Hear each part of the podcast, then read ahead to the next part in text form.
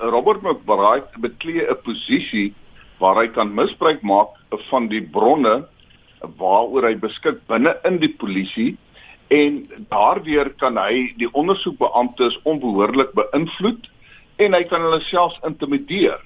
En dit is hoekom ons sê dat hy onmiddellik geskort moet word. Ons moet ook tweedens onthou dat Robert McBride was die persoon wat baie vinnig gevra het dat die vorige waarnemende polisiekommissaris Patlani geskort moet word hangende die ondersoek teen Patlani.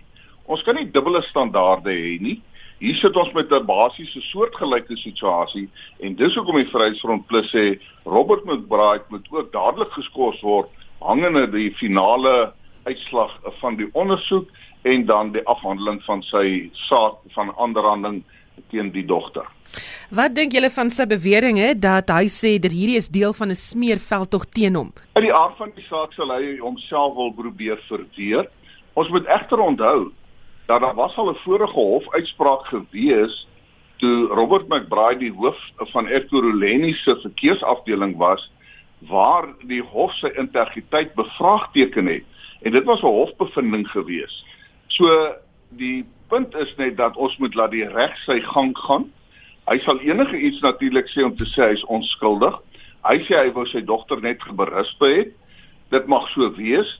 Ek is nie in 'n posisie om te kan sê wat het werklik gebeur nie, maar as 'n mens kyk na media berigte waarin daar beweer word dat die dogter aan die keel gegryp is en so voort, Ek dink nie mense berus by jou dogter op so 'n wyse nie, maar dit is vir die reg om dan die finale ondersoek te doen en as hy dan nou niks het om weg te steek nie, dan sê ons dan behoort hy eintlik ook van self te gesê.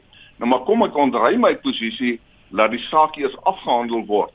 En dit is hoekom ons sê dat hy nie kan langer aanbly daar nie. Die DEA se skadu minister van polisie, Zakele Mbele, sê intussen dat wetgewing nie toelaat dat McBride deur die polisie minister geskort word nie. Mbele sê die regte ding om te doen in die geval is vir McBride homself uit die posisie te tree tot die saak opgelos is.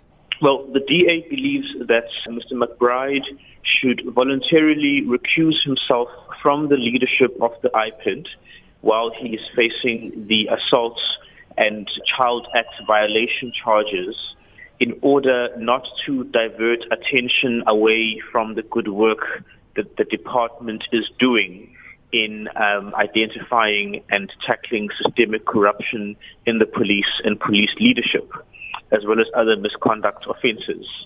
Because since the Constitutional Court ruling, uh, there is no provision for the minister to suspend the head of the IPID, and until we get a a, a reform of the IPID Act. The only option available is for Mr. McBride to be proactive about preserving the integrity of his office and to voluntarily request special leave until the finalization of this case. And so it's in the interests of the IPID and of the investigative work of the departments that she should be proactive in this way in order to uphold the the integrity and the reputation of his office and departments. Die woordvoerder van Opot, Moses Lamini sê McBride is aangeraai deur regslei om nie nou kommentaar oor die saak te lewer nie. He says in his statement at the end, he says he's been advised not to comment any further.